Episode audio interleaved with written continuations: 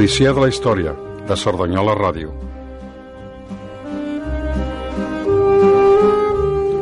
Bona nit i benvingudes un altre dilluns a l'Odissea de la Història, al 105.3 de la FM en Cerdanyola Ràdio.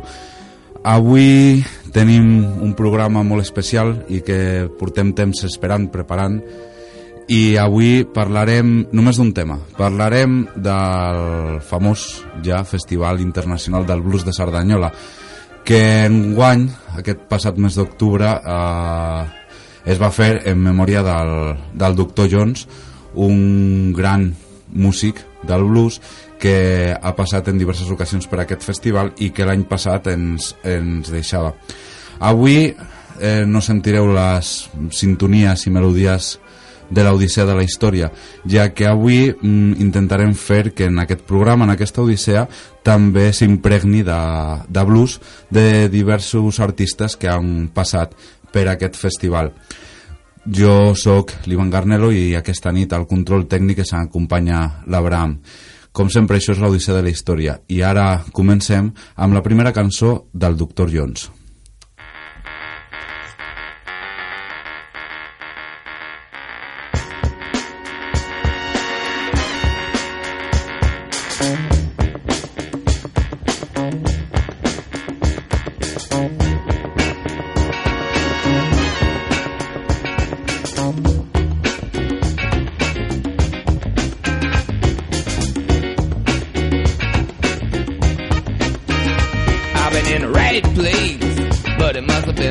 Time. I done said the right thing, but it must used the wrong line. I've been on the right trail, but I must used the wrong car.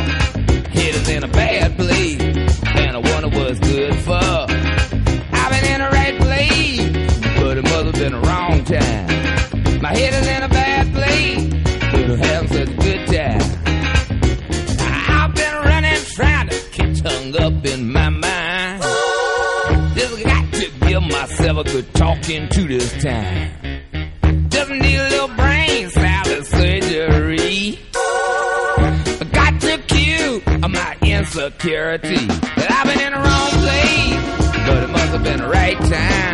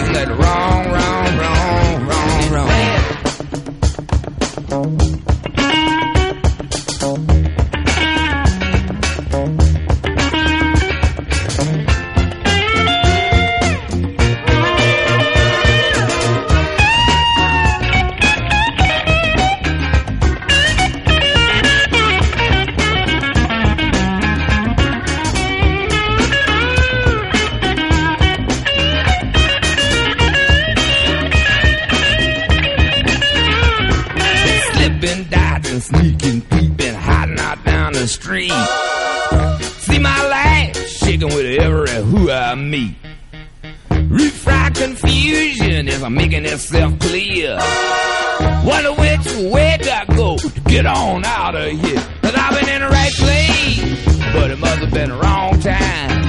And I done said the right thing, but it must used the wrong line.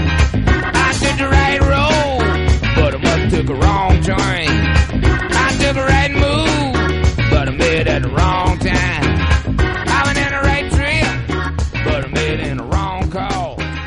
Headed in a good place, and I wonder that. Bueno, tornem aquí. Heu, heu escoltat el Dr. John. Eh, M'acompanyen ja, ens esteu veient en vídeo, a la meva esquerra, a la dreta del vídeo, el Juan Antonio Hidalgo, periodista sardanyolenc, conegut ja per tota la gent de Sardanyola, que sempre estan tots els fregaus i... Del, tots i, no, tots no. Gairebé tots. Bona nit. Bona nit. I a la meva dreta, a l'esquerra en el vídeo, està l'Àngel, conegut també per l'último tren. Hola, buenas noches. Buenas noches, gracias por venir, bienvenidos los dos. Bé, i parlarem això del Festival del Blues. Vosaltres esteu ara en l'organització, però coneixeu el festival que té 28 edicions porta ja i 31 anys d'història. Eh, ahora, ahora mismo, si fue del 88, llevamos 31 y ha sido la 29 edición. 29 edicions. El año que viene son 30 ediciones. 30, 30 edicions, déu nhi déu nhi 30 festivals 30 festivals impregnant de, de música a la ciutat.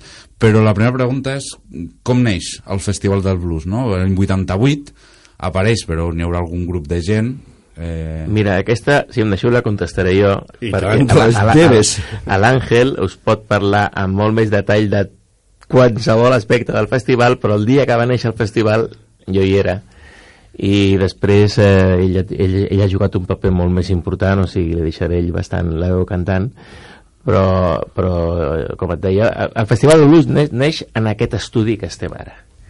Aquí es feia un programa de ràdio que es deia La Conjura de los Necios, que pilotaven bàsicament el Manolo Ibarro, l'Albert Puig, el Toni Álvaro, i jo també voltava. Eh, i en aquell programa el Manolo Ibarro sempre diu, que jo sempre dic que és el fundador perquè va ser qui va tenir la idea, sempre diu que el Festival de Blues nace con un concierto previo que és el de la Polla Records.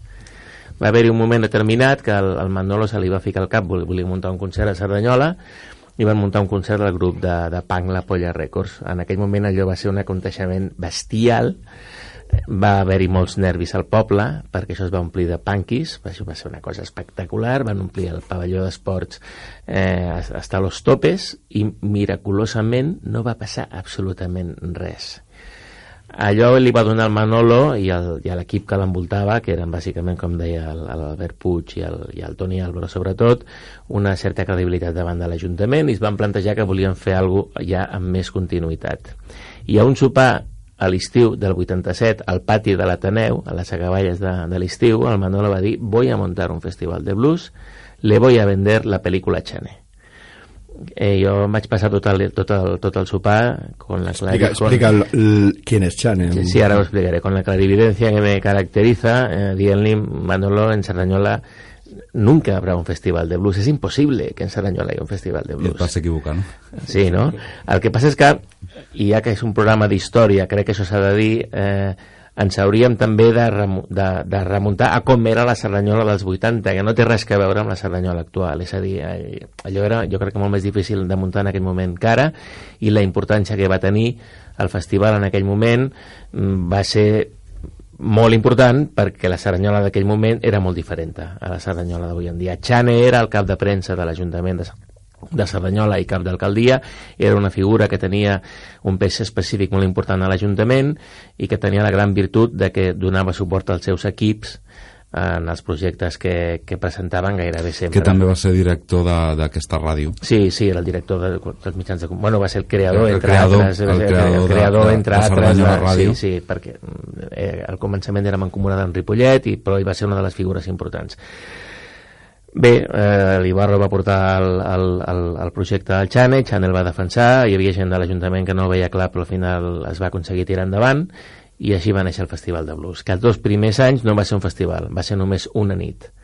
La primera nit, el primer festival va ser una nit aquí també a l'Ateneu, aquí mateix, o sigui el festival neix a l'Ateneu, la primera edició es fa a l'Ateneu, que és només un concert, la segona va ser un concert de Johnny Copeland englobada dintre del mar de l'estiu esteu, i la tercera ja va ser un festival. I aquí ja, a partir d'aquí, sap molt més a l'Àngel que sí, jo. Sí, perquè comentàvem que el festival inicialment, ara es fa a l'octubre, els primers 15 dies d'octubre, no? el d'enguany ha sigut del 4 al 13 d'octubre, ara tenim dos caps de setmana, però ara comentava el, el Juan Antonio que només al inicialment teníem un concert, i quan, havia, com, tenia entès que si es feia al maig, ¿no? uns mesos abans, no a l'octubre. Sí, en, en, en origen se hacía en mayo, también eh, coincidía con el, la programación del Estilo Usteu la, la, al principio, y luego se, eh, se eh, pisaba o se complementaba con el Rusel de Match. O sea, hubieron, hubo tiempo donde los programas salieron hasta conjuntos, si no recuerdo mal. Yo no estaba en la organización, yo en el 92 abro el chiringuito, el garito, como digo yo, eh, con música en directo, con lo cual... El último, estén hablando del último tren. Sí, del último tren, y entonces ya ahí me quedo pillado, digamos, eh, trabajando en esos meses, con lo cual lo vivo de, desde otra perspectiva, aunque evidentemente mucho como público. Pero al principio o sea, era en mayo y coincidía con, la, con el Rousset de Match. Con lo cual, alguna, en algunas ocasiones, eh, hubo, hubo un año que recuerdo que fueron como durante tres o cuatro semanas, hubieron conciertos dentro de lo que, como, como festival de blues, pero fueron durante como tres semanas donde podías encontrarte un concierto un martes o un jueves. Sí, és O sea, una mica, una mica el que passa avui amb el festival, no? Dig- Digamos que luego ya se, se, se ajustó más a hacerlo en dos fines de semana. Yo recordaba unos que eh, los vendían en el último tren, mm, vendían bonos para el primer fin de semana y abonos para el segundo fin de semana. O sea, todo eso fue cambiando hasta que en un momento dado, por lo que tengo entendido, en mayo, Manolo, bueno, hay una serie de desencuentros con la política municipal y el Festival de Blues y Manolo en ese año, que no recuerdo cuál sería, como año, pero es tan fácil como que fue el año de la Coco Taylor, Otis Rush y Alvin Lee en el Ateneo, posiblemente fuera año 95, Voy a ver si lo encuentro. Y em, digamos deja el festival y fue ese año donde no se hacen eh, supongo sería el 96 no se hacen eh, en mayo. Todo queda en el aire. No sé si sabe si se va a hacer o no se va a hacer. Yo recuerdo ir loco con mi programación en, en el garito porque no sabía si se programaba o no si hacerlos o a quién contratar y Noven- demás. 95. ese fue el de Alvin Lee. Coco Taylor. Vale, pues entonces ahí es el último que se hace en mayo y 96 ya recoge el testigo y pues, vuelve a echarse para adelante el festival, ahí lo recoge mm, eh, Albert Puig y es el que durante otra serie de años eh, estuvo a los mandos y a la dirección artística. I allà és quan es canvia ja a l'octubre, a partir d'allà. Sí, y ahí se queda ya en octubre. Se queda a l'octubre. Bueno, estàvem esmentant a la, a la Coco Taylor i jo crec que ja, ja va ser un moment de, de mm, també portar un altre gran artista que ha La gran blues woman, que I- hemos tenido el placer. I ara nosaltres posarem perquè la gent en escolti a I'm a Woman de Coco Taylor.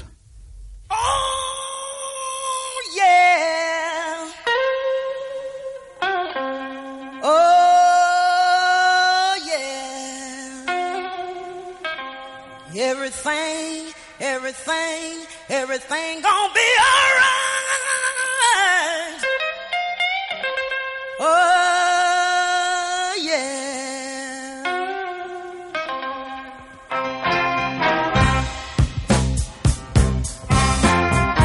when I was a little girl,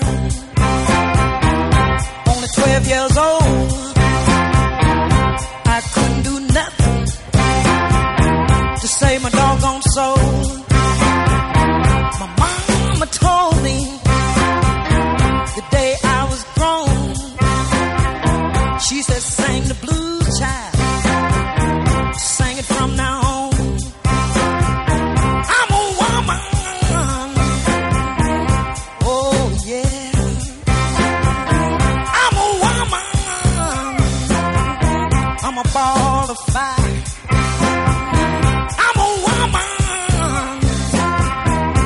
Make love to a crocodile.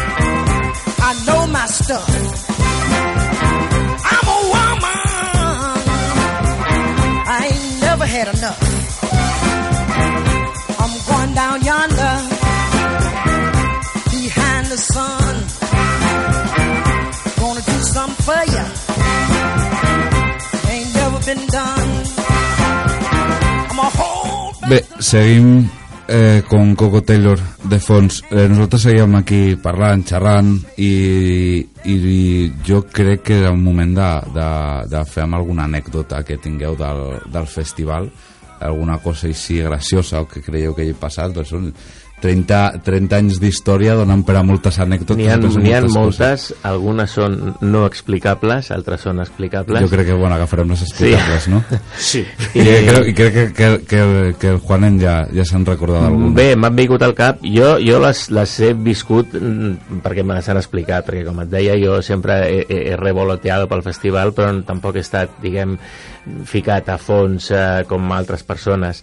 Eh, la persona que més anècdotes m'ha explicat i m'he patat de riure és el Carra perquè porta els artistes, eh, sovint els portava amunt i avall a l'aeroport i li passava de tot però mm, m'han vingut al cap perquè estan molt fresques, perquè les hem recordat aquests últims mesos parlant de Dr. John la visita que va fer Dr. John, Dr. John a Cerdanyola va estar envoltada d'alguns episodis eh, absolutament memorables eh, com per exemple Dr. John era per molta gent una figura absolutament intocable, un mite, no? però la gran, la gran, la gran gent, la gran, el públic en general no el coneixia, llavors tu podies sortir al carrer amb ell i la major part de persones no li deien res.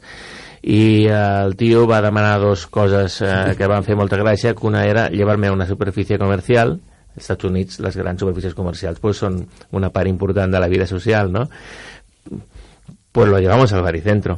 I Al Prica, no? Al Prica, al Prica. I se'l va, se va emportar el doctor John al Per, Prica. per, per, per, públic més jove que no ens, que no ens senti, el, el Prica, els supermercats Prica, que després es dirien Continente, i després avui els coneixem com el Carrefour. Ah, Més exacte. o menys No, és el, aquest... Prica, el Prica estaba en Terrassa, sería Pero el no, Terrassa, ese no, es el Prica. no, no sería el Prica del... No, no había un Prica en el baricentro. No, me- Baricentro es, es continente. Pues se que luego Carrefour se- y, pues- y el pues se- Prica se- de que está en Terrassa, se- se- supongo sería este, porque siempre Pues he dicho se, lo, Prica. se lo llevaron al Prica, donde fuese, pero una gran Sí, sí. superficie de aquí del- de, la, de, la, de, la- de la zona aquí cerca, y, y la persona que el portava, que crec que era el, el Cisco, deia, estoy paseándome con Dr. John por un O sigui, absolutament surrealista. I l'altra petició que va fer... que también es social, Perdona? por el comentario que has hecho. Dos cosas muy sociales son, ¿no? La gran superficie Sí. y el otro lo que vas a explicar. Exacto. Que todo el mundo pasa. I l'altra petició va ser llevar-me a un cementerio. Pues el van portar al cementiri de Cerdanyola. I el tio es va passejar per les, allà per les tombes i s'ho mirava tot, és un tio de New Orleans allà suposo que això també forma part de la, La cultura- la cultura de la mort a- i són les dues que em venen al cap però repeteixo, perquè les tinc fresques. N'hi haurien moltíssimes més, potser l'Àngel en té, segur que en té més. Segur que té alguna, alguna li. No, no, yo las que tengo no son explicables. no són explicables. seguro que, seguro que també seguro que també Las que yo que, tengo- jo penso que sí que n'hi ha algun n'hi haurà explicable. Mm, Quizá vamos a, vamos a explicar ah, quizá una porque así ponemos en contexto algo y, a una banda que sí que conoce todo el mundo que es M-Clan el día que cerraron el festival de blues en M-Clan habían tocado ya tres veces en el último tren antes de pegar el salto. Y mm, la cuestión es que había una jam session final de, de- del festival. Ellos acababan de cerrar Marañones cerraba M-Clan y uno y el amplificador del, de guitarra solista, muy amigo, Santiago Campillo. Ellos se venían a tocar a, al- a la Jam. El local era para 100 personas. Y era paralelo, la Jam Ses- Session se estaba organizando allí. Y yo vine a ver los bolos con ellos y a llevarme el ampli de Santi para abajo, porque nos faltaba un amplificador de guitarra.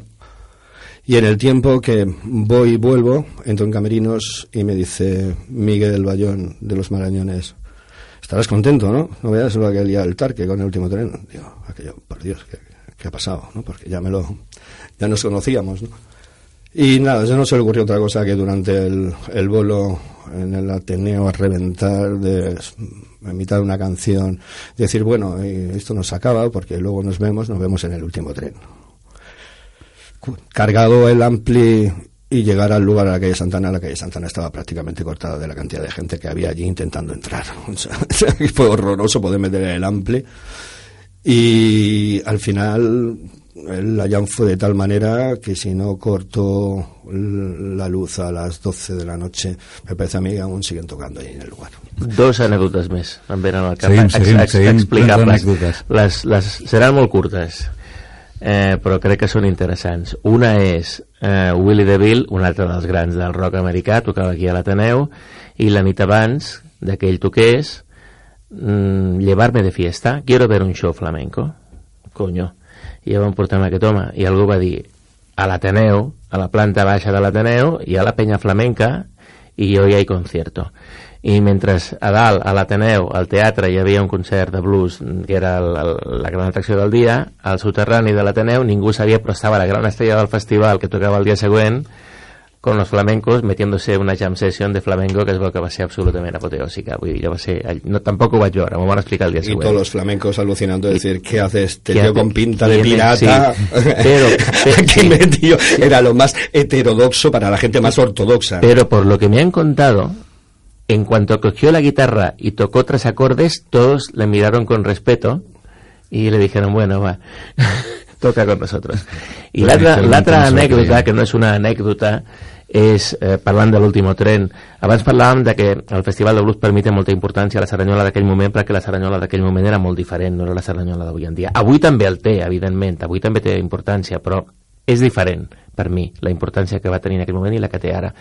Però hi havia locals com a l'últim tren, que jo crec que també formen part de la història, eh, que en un moment en què Cerdanyola estava culturalment molt més apagada, aquí aquest home va tenir la, el talent de fer debutar a l'escenari a figures com mm, quasi debutar, y si, si, no debut, si no debutar poco faltó a M. Clan, a Sol Lagarto, que te agradecieron el año pasado en público que les hubiese dado su primera oportunidad, i Maika Makovsky, per exemple, que actualment és una gran estrella de televisió espanyola fent l'únic programa que hi ha.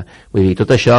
El muchachito también pasó por Sí, és a dir, eh, hi han, eh, no és una anècdota del festival, però sí que formava part de la perifèria del festival i de l'escena musical de tot, aquell, de tot aquells anys, que jo crec que van convertir a Cerdanyola durant un temps, entre el festival, l'último tren i alguna altra cosa, van posar Cerdanyola al mapa. Y yo quiero poner en, en su lugar también, que eso lo haremos, supongo, al este, la importancia de los bares. El último tren formó parte en su momento de todo aquello, de todos los bares y todas las salas que participan, no solamente en el festival, sino que de festival a festival, tiro porque me toca. Si no estuvieran esas salas manteniendo la música en directo, ¿qué tendríamos? ¿Un evento cada 12 meses? No, la música en directo nece- necesita mucho más. Sí.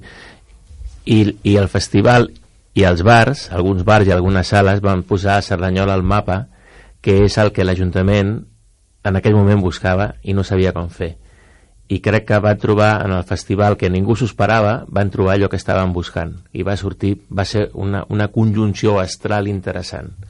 Bueno, ara seguirem parlant, però jo crec, penso que et toca seguir escoltant una mica més de blues. Ara ho farem amb eh, Luciana Red i Freight Train to Ride, i que ja entra.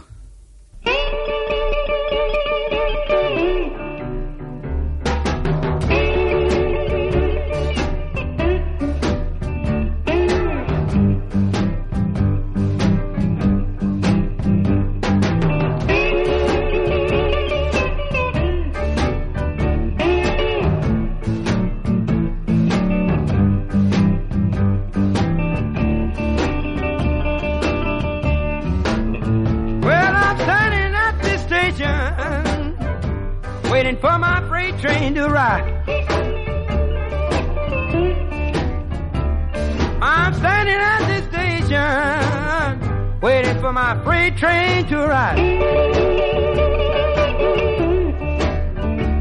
Well, it's gonna carry me home, where I can see my baby child.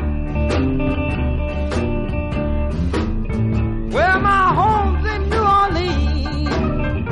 That's where Louisiana was born. Well, my home's in New Orleans. That's where Louisiana Red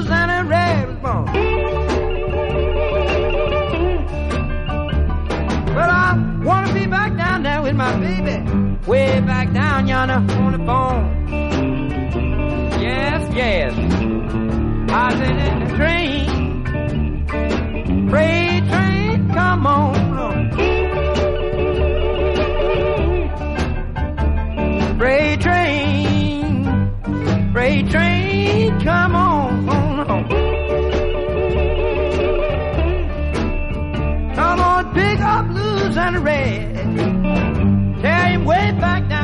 Bone. I'm gonna see my grandmother, and I'm gonna fall down on my bending knee. I'm gonna see my grandmother, and I'm gonna fall down on my bending knee. I'm gonna forget and beg. Will you take your son home, you please? Well, then play your guitar.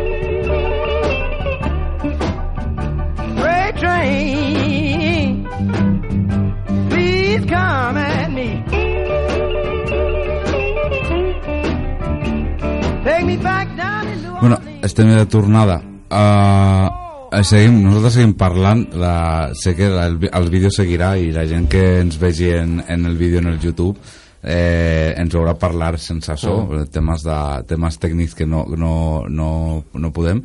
Però això, este, té, té aquí l'Àngel oberta un, el, el Tot Cerdanyola, val? dels diaris aquí amb una opinió de, de la Pepi Rivera, regi, actual regidora de Cultura de l'Ajuntament, i jo volia preguntar una mica eh, per això, per l'Ajuntament, pel suport de l'Ajuntament, perquè hem parlat dels anys 80, etc etc. però quin ha sigut el, realment el suport institucional que ha tingut aquest festival, que no ha estat organitzat eh, des de les institucions, però que, bueno, no? suposo que ha anat variant, problemes, sempre ha hagut concòrdia, ha hagut discòrdia, concòrdia... Es lo que tiene 30 años, ¿no? Que, que hay tiempos para, para todo, ¿no? Eh, malos tiempos para la lírica también los hubo. O sea, yo lo he vivido desde una perspectiva, pero evidentemente los he vivido también directamente. O sea, eh, es momentos donde han tenido un gran apoyo como al principio, momentos que luego se han amparado en la crisis, eh, convertirlo en bianual, con presupuestos ínfimos y la comisión en la que formamos parte de hace unos años acá y que hemos hecho los últimos cuatro. Sí. Yo tres, creo. De los últimos cuatro, me parece. sí. Me- Y ahora, digamos, eh, estamos en un punto donde lo- se ha vuelto a poner en órbita el, el festival. O sea, mm, hay que recordar que es el más antiguo del país. No sé si uno seguramente de, de Europa no me voy a atrever tanto. Pero sí que ha habido un- momentos donde se ha abandonado el festival, se dejó de apostar por ello. Y de un tiempo para acá, yo creo que nosotros picando piedras desde, el- desde nuestra posición y I per què, per què creieu que en un moment donat l'Ajuntament abandona el festival? Eso mm, sería cuestión de, de, de- de preguntarle a las personas indicadas, ¿no?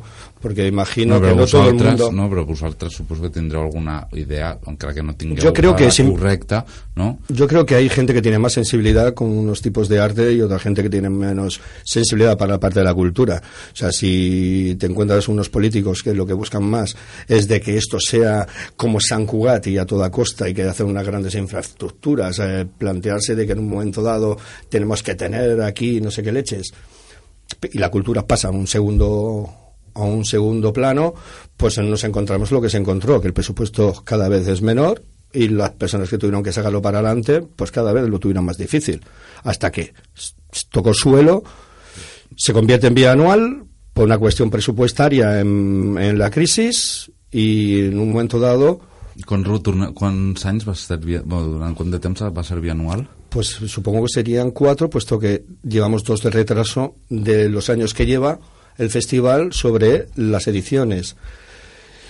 Y en un momento dado, pues desde José, que es el que tiene la gran culpa de todo esto, técnico de, cultura, nos llama a una serie de gente que hemos estado relacionados con el festival de una manera u otra, algunos desde dentro, otros desde fuera, el otro por tener una revista musical y aquello que ideas que se os ocurran para poder levantar y poner en órbita esto. El primer año que lo hicimos, no- no- ah, se me va la olla, pero estamos en el 2019, sería 2015 o Yo, 2014. yo llevo tres años. Hubo uno que nosotros lo vivimos como vía anual y el año pasado fue cuando el gobierno anterior apostó para que fuera anual. Y volvió la anualidad el año pasado, que 2018, que en teoría pues no, no tocaría.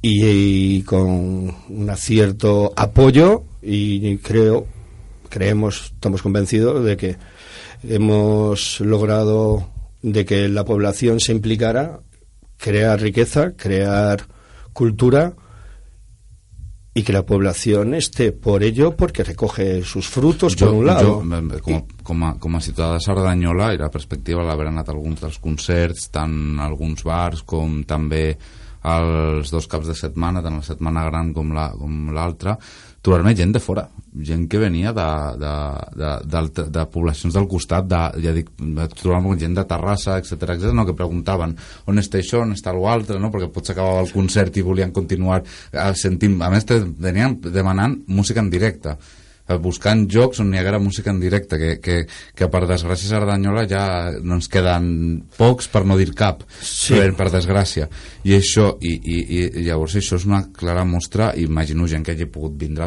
d'altres parts de, de, de Catalunya o d'altres parts de l'estat espanyol no? Perquè sap, Sí, cono- conocemos gente que ha venido de otras partes y de fuera de Cataluña también. Esto significa de que las cosas se están haciendo bien, la, la- la población está volcada con el festival y se demuestra de que es crear y poner el Sardañola en, en- en el mapa, digamos, ¿no? Que es como, de alguna manera, se buscó en origen situar a Sardañola y que deje de ser una ciudad dormitorio, ¿no? Eh, Tu preguntaves abans que per què l'Ajuntament a vegades ha tingut un, un suport una mica discontinu al festival. Jo crec que podrien ser diversos motius. Podríem analitzar, per exemple, qui ha estat en cada moment a l'Ajuntament com a polític, qui ha estat com a tècnic, qui ha estat a l'organització del festival, possiblement les persones també formen part d'aquestes equacions, no? Eh, no, i, tant, i tant que forma Clar, Si llavors tenir-ho és, és, jo crec que són tants factors que, que, que, que estarien combinats que seria difícil potser trobar, trobar-ne només un. Però el que jo sí, la meva teoria, la meva teoria és que, com abans deia, inicialment als 80 l'Ajuntament buscava, és que ho recordo perquè vaig estar un parell de xerrades de, de polítics i tècnics que parlaven d'això, buscaven alguna cosa, el que fos, que fes que Cerdanyola sortís. La, la frase textual era un cop l'any a la premsa en positiu perquè no sortia mai i quan sortia era perquè havia habido hostias en el Tac Roig o alguna cosa por un estilo no? Saranyona no salía en los periódicos i salía, si salía, salía mal. I jo crec que això van trobar, com deia, de casualitat el festival dels bojos aquests de la ràdio que, coi, la premsa està parlant bé. I llavors, durant uns anys jo crec que possiblement eh, la gran plataforma que va tenir Cerdanyola a la premsa un cop l'any era el Festival de Blues i hi ha més anècdotes que m'han explicat molt divertides i molt surrealistes com per exemple no, no em digui som perquè no ho sé però sé d'un nano de Cerdanyola que estava anant en cotxe, no sé, per m'ho m'ho estic inventant perquè no sé on era el, el, el pare un guàrdia civil perquè no sé què havia fet eh, cara d'identitat Sardañola, coño, el festival de blues. Siga usted, pero por favor, no haga más. Vull dir, eh, el nombre de Sardañola se proyectó mucho con el festival de blues, però clar, possiblement aquesta necessitat després amb el temps va desaparèixer, perquè Sardanyola, afortunadament, van sortir moltes coses que han projectat. Llavors, possiblement aquella primera necessitat eh, es, es va esvair, ja no existeix. I ara, a mi una cosa que, que, que, que fa temps que em volta al cap seria que estaria molt bé que algú fos capaç ara de cara al 30 eh, eh, a, la 30 edició del festival d'intentar fer un treball que fos intentar de, de, una, de manera una mica entre cometes científica demostrar què és el que el festival aporta a Cerdanyola. Quan dic el festival podríem extrapolar-ho evidentment a les inversions que es fan en cultura que són moltes i variades però jo crec que moltes vegades els efectes d'aquestes inversions potser els més importants ni ens n'adonem a mi no em costaria gaire fer una llista de persones que tenen trajectòries professionals, a més algunes brillants, que han nascut al Festival de Blues. Empreses que s'han creat a partir del Festival de Blues. i el Festival de Blues o d'altres activitats culturals. I tot això jo crec que s'hauria d'intentar objectivar, perquè si algú preguntés per què serveix el Festival de Blues, poder-ho explicar amb una mica de cara i ulls, no? Que avui en dia jo crec que se'ns escapa una mica, fins i tot eh, per, per als més fanàtics del festival, la gran importància que aquestes eh, històries, no només del festival, el festival i tot l'altre que es pugui organitzar cultural amb calés públics, acaben reportant al poble perquè és, és molt eteri, però existeix. Absolutamente de acuerdo. Bueno, crec que, que, que es pot donar una resposta senzilla des, de, des del meu punt de vista. Vull dir, és un fet cultural. O sigui, independentment sí. de buscar justificacions econòmiques, val? que les té. No, no, no, se li par pot no, no parlo d'econòmiques. Tenen un vessant econòmic, evidentment, però, però, però també... vull dir, és, és cultura Sí. Vull dir, la cultura és necessària i penso Mm. que, que Cerdanyola eh, que s'està projectant i porta temps projectant-se projectant, projectant cap, a una, cap a una ciutat més dormitori que no pas com una ciutat en si viva i per si mateixa Uh, el festival ajuda això. I ajuda també perquè no ens oblidem que Cerdanyola tenim un cartell molt maco quan sortim de la C58 Sí, que ja posa sé. ciutat, ciutat universitària i tecnològica. Vull dir, totes aquestes coses fan que Cerdanyola tingui nom propi, que Cerdanyola pugui això, i, i penso que, que, que, que la raó és aquesta, la raó és, és que el Festival del Blues és una essència ja una part essencial de Cerdanyola i de lo que és Cerdanyola, i no se pot entendre la ciutat sense el Festival per, del Per Blues. descomptat, però abans de micro, micro tancat, crec que, crec que l'Àngel ha dit eh, a- algo parecido a no nos hacemos una idea de cómo el festival ha cambiado Cerdanyola. I sí, el festival i més coses, però el festival també. I això a mi m'interessaria molt ser capaç d'intentar explicar-ho, però concretant.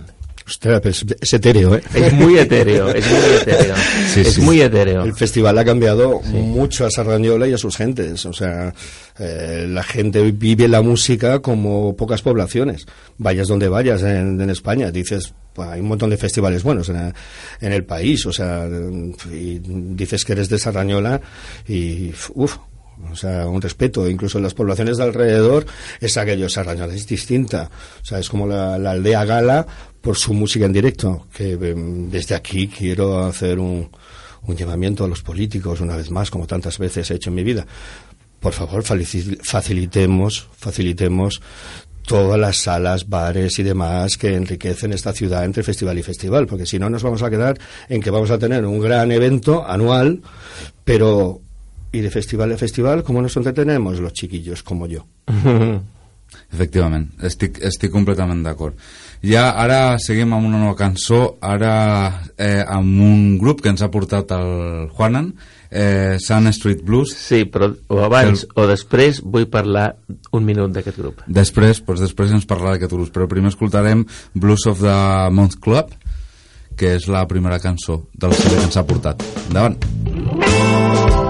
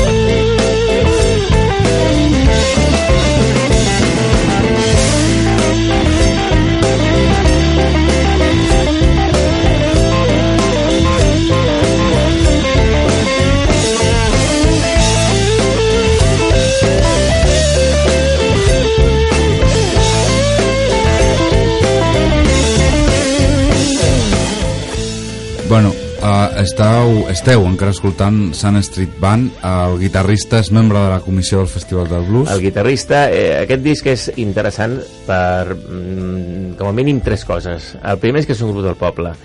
Eh, com a mínim dos o tres dels músics són de la ciutat, no estic segur. El, el guitarrista és Carlos Navarrete, membre de la comissió i fill de, de un dels components de... Al 60 a Cerdanyola hi havia dos grups que lo petaven, que eren los Dálmatas i los Jacks. Los Dálmatas van treure disc perquè, pel que em va explicar el Carlos, van apostar per treure disc i es van centrar en això. I els Jacks, si no estic equivocat, es van centrar en ser molt bons en directe. Suposo que el que diré ara és un, és un topicazo potser equivocado, però no eren com los Beatles i los Stones de Cerdanyola. Eh, però van marcar una època a la ciutat. Eh, això t'ho dic perquè potser algun dia podries fer un programa sobre los dàmates, los llacs i la Cerdanyola musical de los 60 que també tenia tela perquè també tenia locals propis que jo desconec però que de tant en tant descobert, veus alguna pista en algun lloc. Hi havia un local que es deia Los Llacs i, estava, i esta, era el local de Los Llacs, vull dir que té, té conya. O sigui, és un grup de Cerdanyola està gravat a un estudi de gravació de Cerdanyola i per un enginyer de Cerdanyola que part triomfa a nivell internacional que és el José Ruiz que aquí venen a gravar a Cerdanyola grups de, de, de, si no m'equivoco de tot el món. Vull dir, aquí tenim un estudi de gravació internacional i la gent no ho sap que a Cerdanyola, per cert, tenim no sé si tres o quatre estudis de gravació esa és otra, vull dir que i això eh, està relacionat amb el Festival de cal, Luz i cal, pues no ho recordar, sé cal recordar que Cerdanyola és una ciutat que continua creant grups musicals Sí. no? tenim l'exemple de, dels Cronopios no? un dels últims Mm. grups que gent jove no? la vintena Mm. que han, fan, fan aquest grup que, que, que bueno, Cerdanyola no? demostra que és aquesta ciutat Hay mucha música- efervescencia y l- faltan locales y a nivel municipal se en necesitaria aquest- un espacio. En aquest programa vam parlar amb l'agrupació musical de Cerdanyola, també gent potenta que es dedica a tot el, tot el tema de, de, de la música, ens van explicar la seva història, tenen la banda, tenen la coral, no? i bueno, com demostra no? aquesta agrupació musical que també té a ni- a nivell de tema musical Cerdanyola una projecció a l'exterior perquè estan viatjant, viatgen molt se'n van fora a fer concerts a la banda se'n va i la coral a tocar han estat convidats a França, a diferents països on s'ho explicaven, la gent pot recuperar el, si, si li interessa ja que ens escolten tant a l'e-books com a, com a el- de podcast com al Mm. sardanyola.info la- la- l'entrevista amb l'agrupació musical i això, i això demostra que, que a Cerdanyola la música és viva, no? Sí, sí, absolutamente. La lástima es que luego vienen y se nos desaparecen sitios donde eh, la juventud ha tenido la oportunidad de, de demostrar eh, sus primeros trabajos, eh, probarlos, ensayarlos con público, sin público.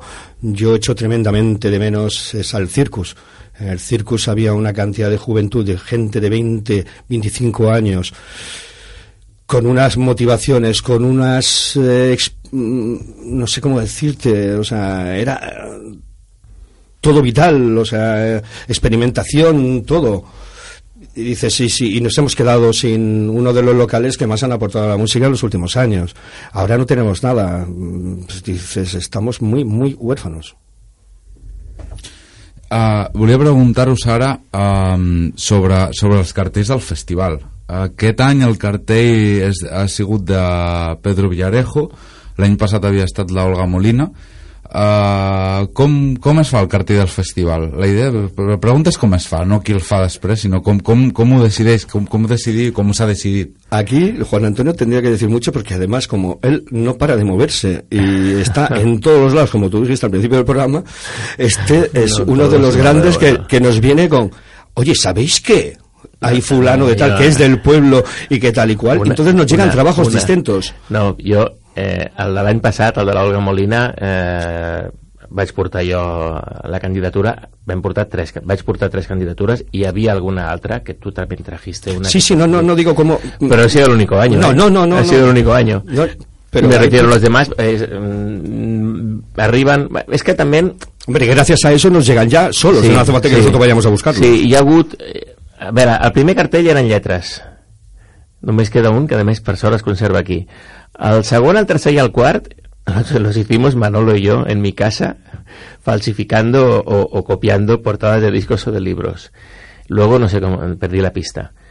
perquè, ja, perquè van agafar les, les, les, les rendes, diguem, al, al Manolo i a l'Albert Puig, però el, els primers van ser molt artesanals.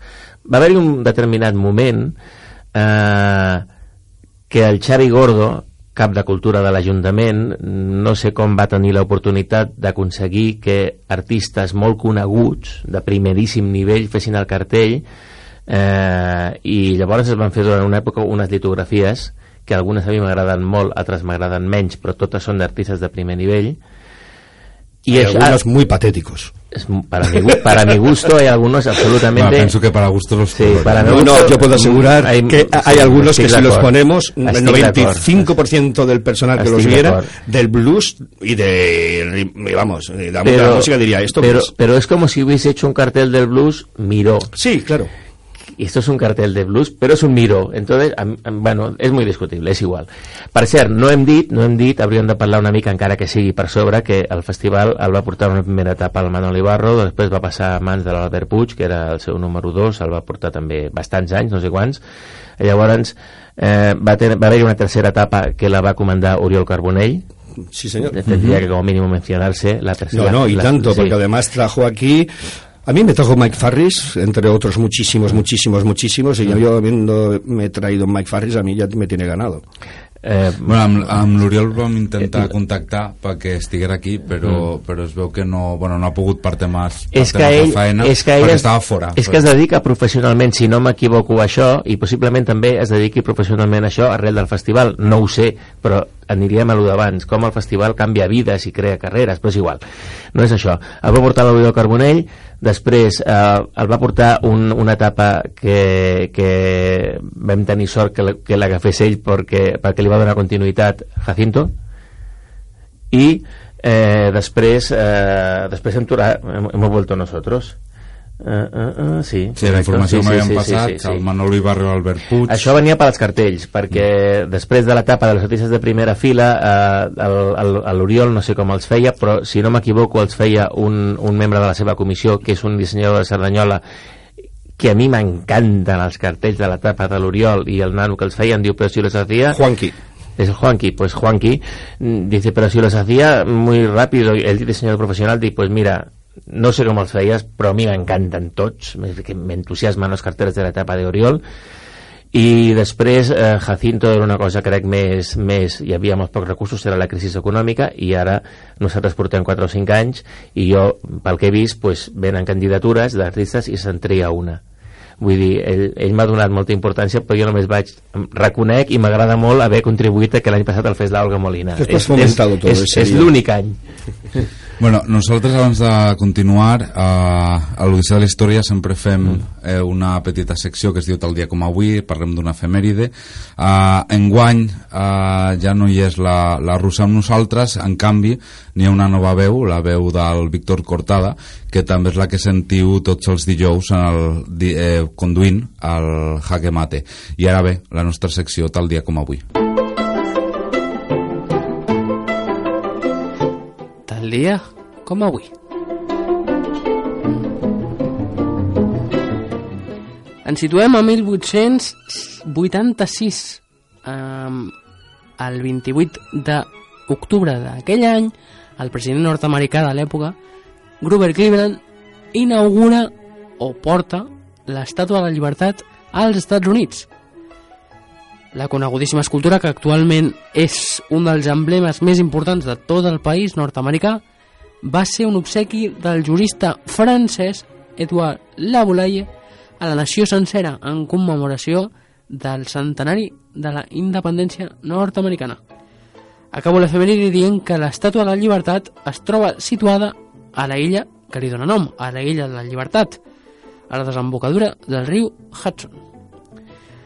Tal dia com avui, però de 1866, naixia en Villanueva de Arosa, a Galícia, Ramon Maria Valle de Inclán, un dels autors literaris més destacats de tot el segle XX a Espanya.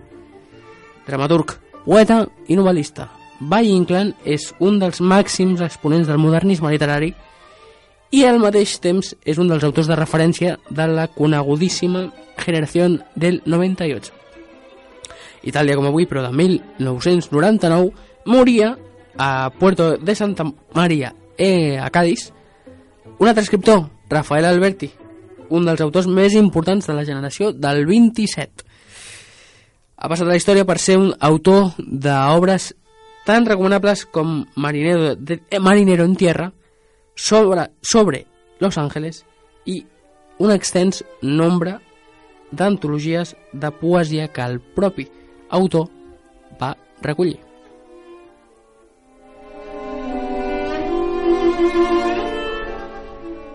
Bé, ja som aquí una altra vegada uh, i ara ja perquè ens queda molt poc temps i, i volia preguntar perquè l'any vinent són 30 anys del festival Bueno, 30 anys, 30, 30 festivals, perdó. Sí, sí, sí, 30, 30 festivals, 32 anys, però 30 festivals. 30 festival en el año 2020. I no ens podeu Me fer... encanta tot i, tot, i, tot, i que, tot i que encara queda un any, uh, ja n'hi ha alguna idea, alguna cosa que es pugui avançar, que ens vulgueu explicar, o, o que espereu, o que quines coses esteu ja... Hombre, de, de esperanza siempre se puede hablar. Mm. Estamos en un programa de historia. Lo que te preguntaba antes, vamos a hablar de futuro, si la historia es el pasado, pero bueno, hagamos un poco de ciencia ficción en un momento dado. Eh, lo que sí que tenemos claro, porque se ha hecho valora- valoración dentro de la comisión, incluido con, con políticos y técnicos, es que todo el mundo, y lo hemos vivido en la calle, de que todo el mundo está realmente contento y creemos firmemente que el formato que hemos, que estamos, que hemos llegado a hacer en dos fines de semana, dando cobertura, negocios, bares, hay que, no hay que olvidar que hasta en tiendas te podías encontrar un baile de, de swing y en una peluquería. El mercado. Eh, luego, eh, digamos, por, por- por sacar los bares, también ha habido otros comercios. Este año ha estado el, el mercado de las fontetas totalmente volcado. Los paradistas han montado una realmente grande, buena y barata. Y, Sobre todo barata. y, y sí que está- estamos muy contentos todos con esto. Entonces sí que hay que pulir un montón de aspectos.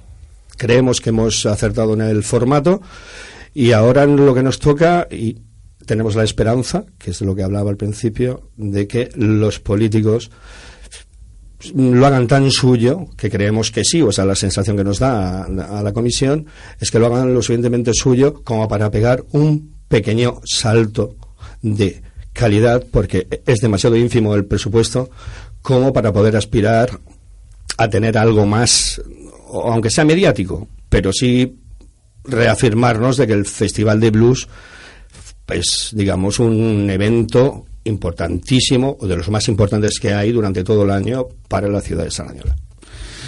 Pues jo vaig a acomiadar-vos a vosaltres dos ja aquí mateix. Val? Moltes gràcies per haver vingut a l'Odissea, per haver vingut a Cerdanyola Ràdio.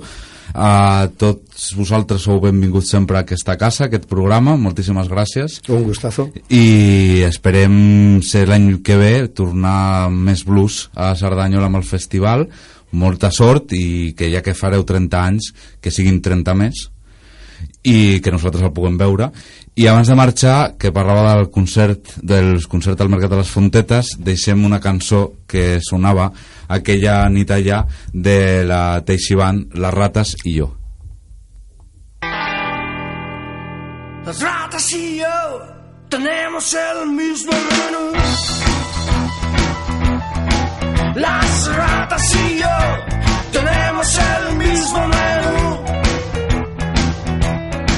Sopa de latas de primero y de segundo un poco de betún.